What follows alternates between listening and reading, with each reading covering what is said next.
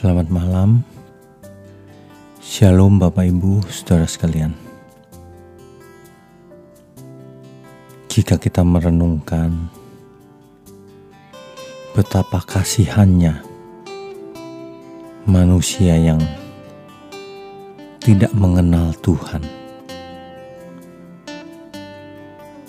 Karena hidup ini tragis. Semuanya akan mengalami masalah masalah demi masalah. Mereka, maksud saya, orang yang tidak mengenal Tuhan akan sangat frustasi ketika menghadapi masalah dalam hidupnya,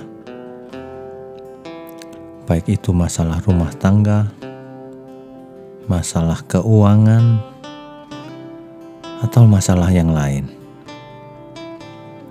apalagi ketika menghadapi peristiwa kematian, baik kematian orang-orang yang di dekatnya maupun saat-saat di mana ia berada di ujung maut. Ia tidak mempunyai harapan, dan itu sangat mengerikan. Hal ini tentu berbeda dengan kalau kita memiliki Tuhan. Artinya, dalam segala hal, dalam keadaan suka maupun duka, dalam keadaan sakit maupun sehat, Tuhan pasti bersama kita, ikut merasakan penderitaan kita. Itulah sebabnya, jika kita mengerti hal ini, maka kita akan tenang. Apa pun yang terjadi dalam hidup kita, kita tahu Tuhan beserta kita, dan harapan kita yang paling luar biasa adalah justru di balik kematian itulah kebahagiaan yang sebenarnya, yaitu ketika kita nanti dibangkitkan, diberi tubuh yang baru, tubuh fisik, tubuh kemuliaan yang tidak bisa mati lagi. Kemudian kita dibawa ke langit yang baru dan bumi yang baru, di dunia yang baru di mana di sana hanya ada kebenaran, tidak ada air mata lagi.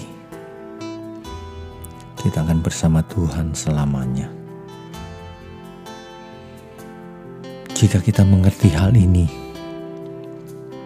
maka itu adalah penghiburan yang tak ternilai harganya, yang membuat kita kuat, yang membuat kita semangat hidup untuk melakukan yang benar,